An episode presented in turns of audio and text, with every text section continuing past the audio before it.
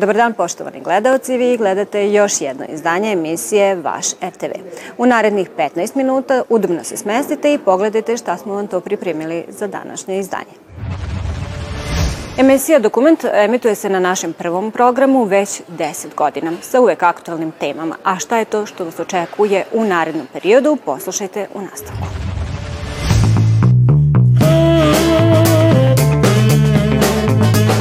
Jesu li mediji odgovorni što je reč ludilo postala hiperlativ?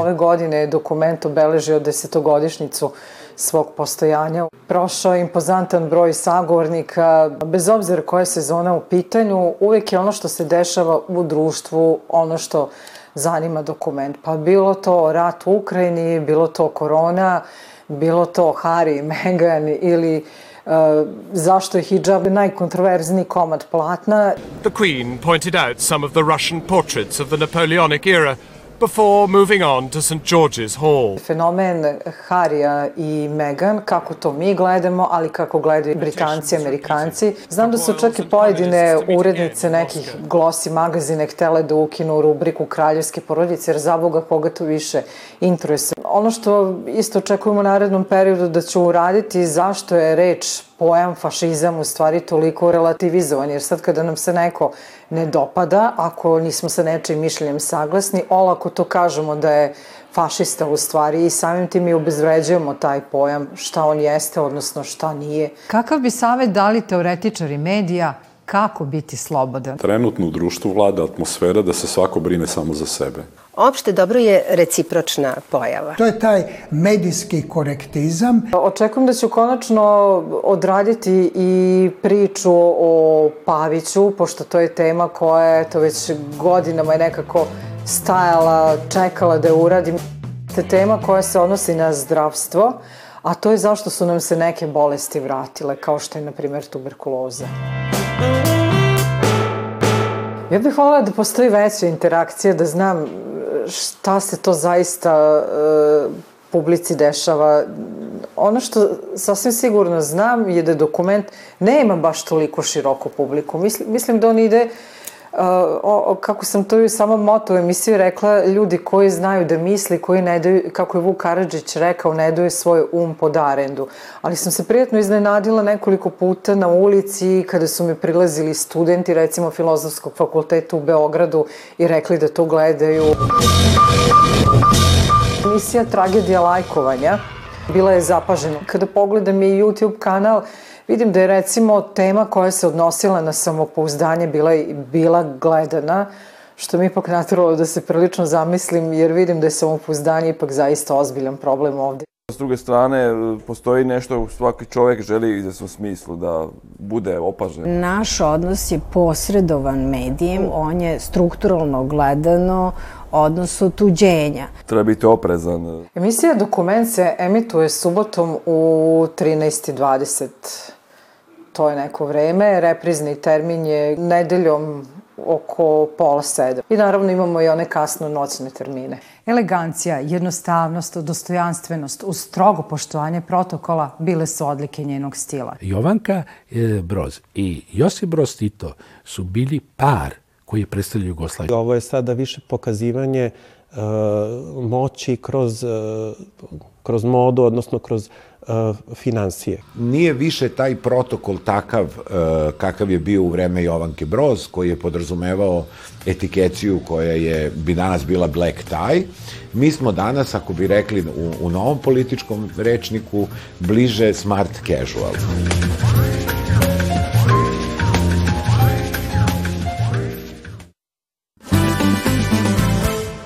Iako je on poznati srpski kompozitor i dirigent, vlasnik je brojnih nagrada, osnivač dečih festivala, muzičkih festivala, emisija za decu, ipak kada pomenemo ime Jovana Damov, prvo što nam padne na pamet je muzički topkan.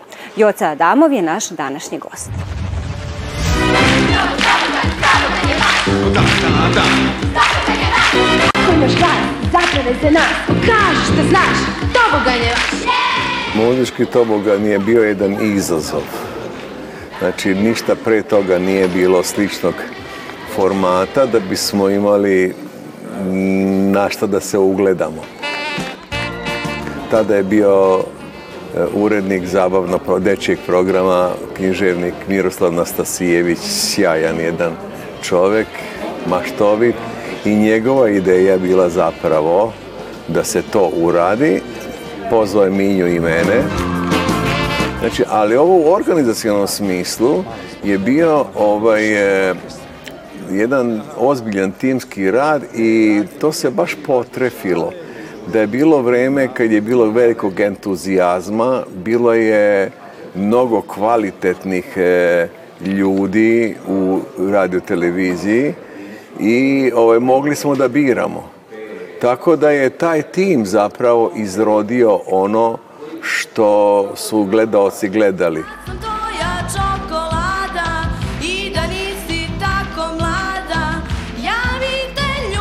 Pored e, muzičkog tobogana radili smo seriju koja se zvala Željoteka.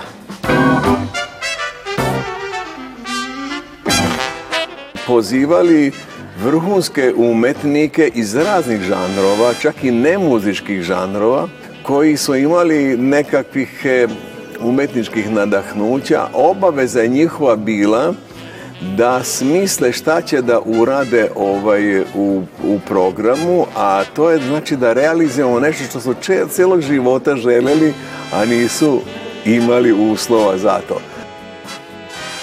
E, danas, u današnjim e, programima, to o, ne zameram ovim komercijalnim televizijama, oni rade ono što može da, da donese novaca. Ali javni servisi moraju imati nešto što je i nedovoljno komercijalno, ali da je zabavno, da je edukativno, da je nivo, visok nivo produkcije, da, da su veliki formati, znači ne sa 3, 4, 5 mudičara, nego kao što smo mi radili te željoteke mudički tova. Nada sve dečjeg programa kvalitetnog da, koji će da privuče pažnju, jer to nije lako.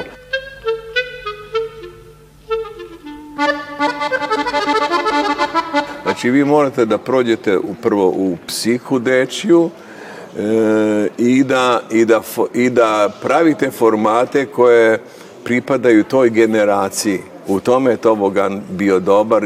Tekstovi, sadržaj su bili primereni uzrast. Danas to nedostaje. Onda ti e, formati dečjih programa moraju biti takvi da, pored toga što su edukativni i zabavni, da se deca osjećaju važnima. Evo, dođite. Zato smo imali veliku scenografiju, imali smo veliki orkestar. Sve je bilo kao da pravite za neku svetsku zvezdu, a mali Mi, Mića ili Milica Mala su centar pažnje tih sledećih tri minuta.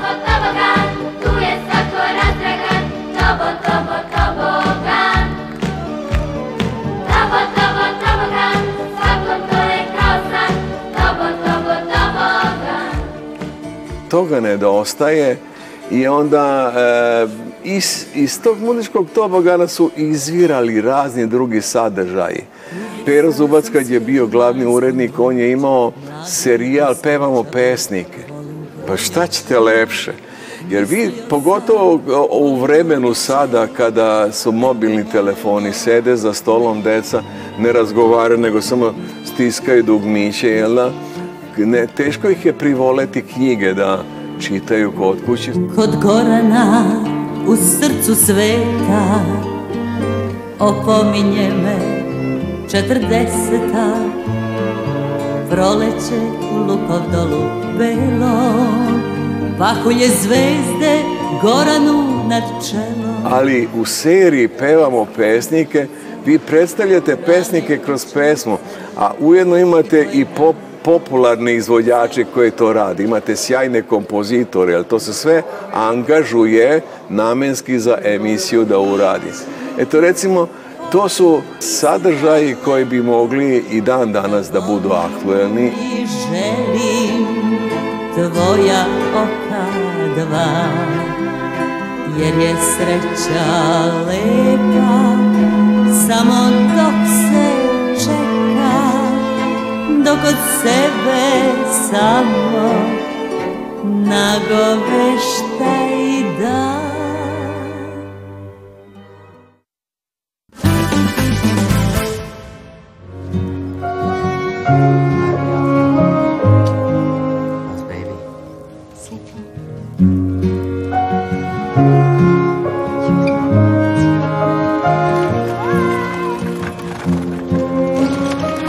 nedelju od 20 sati i 5 minuta imat ćete priliku da pogledate jedan evropski western.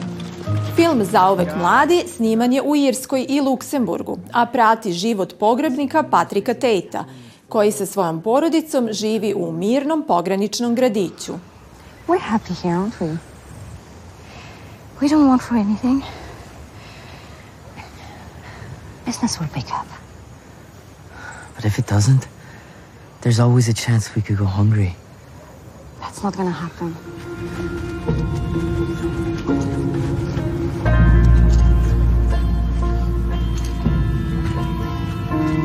Stvari se ubrzano menjaju kada u grad stiže banda odmetnika, a uz nju razvrat, kriminal i ubistva. Patriku posao počinje da cveta, ali krvav novac donosi nove nevolje, kako za njega, tako i za njegovu porodicu, koje stižu pretnje i ucene. Film Zaovek mladi možete pogledati u nedelju u 25 na prvom programu radio televizije Vojvodine.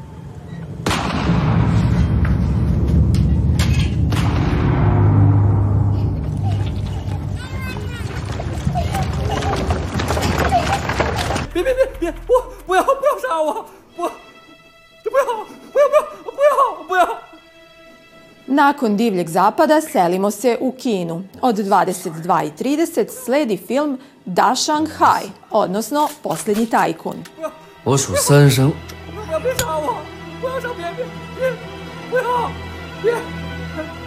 I... Film je režirao Jung Wong, a glavnu ulogu tumači akciona superzvezda Chao Yun Fat. Snimljen je 2012. godine, a inspirisan je istinitom pričom o vođi organizovane kriminalne grupe u Šangaju 20. i 30. godina prošlog veka.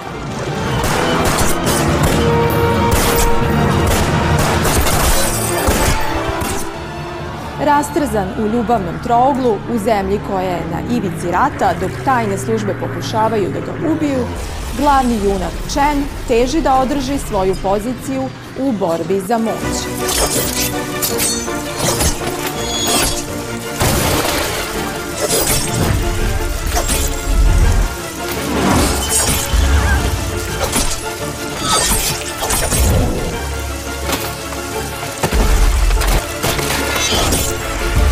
Da li će u tome uspeti i koju će cenu morati da plati, pogledajte u nedelju 22. januara na prvom programu Radio Televizije Vojvodine.